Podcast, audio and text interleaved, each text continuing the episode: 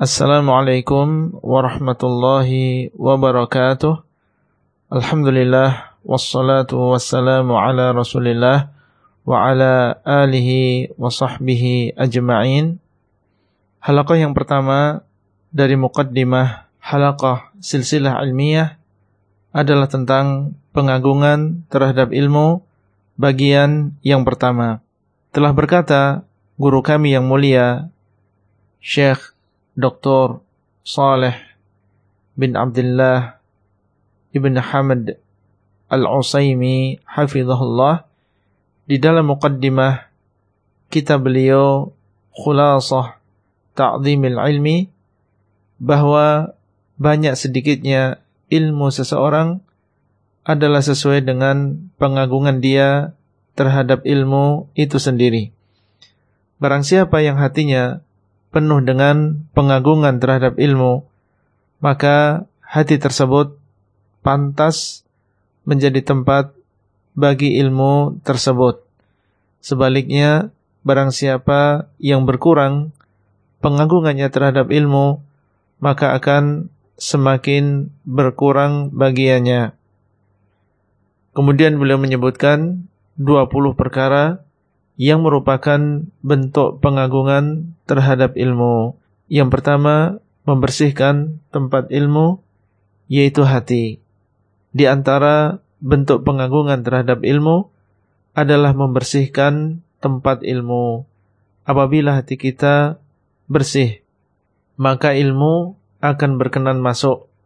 Dan semakin bersih, maka semakin mudah menerima ilmu tersebut dan hal yang mengotori hati dan menjadikan ilmu sulit masuk adalah kotoran syahwat dan kotoran syubhat.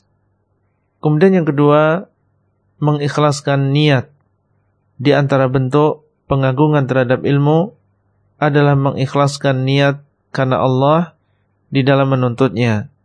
Sesuai dengan keikhlasan seseorang, maka dia akan mendapatkan ilmu dan niat yang ikhlas di dalam mencari ilmu adalah apabila niatnya yang pertama mengangkat kebodohan dari diri sendiri, yang kedua mengangkat kebodohan dari orang lain, yang ketiga menghidupkan ilmu dan menjaganya supaya tidak punah, dan yang keempat mengamalkan ilmu.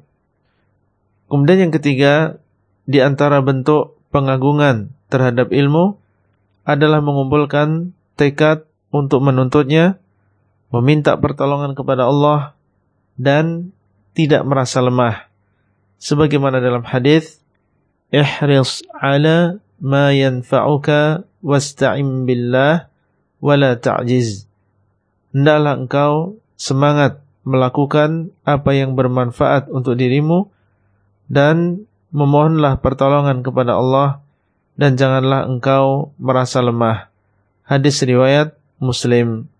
Dahulu Imam Ahmad bin Hanbal terkadang ingin keluar dari rumahnya untuk menghadiri majelis ilmu gurunya sebelum datang waktu subuh. Dan sebagian mereka membaca Sahih Al-Bukhari kepada gurunya dalam tiga majelis atau tiga pertemuan. Ini semua menunjukkan bagaimana semangat dan tekad para pendahulu kita di dalam menuntut ilmu. Yang keempat, di antara bentuk pengagungan terhadap ilmu adalah memusatkan semangat untuk mempelajari Al-Quran dan Al-Hadis. Karena inilah asal dari ilmu itu sendiri.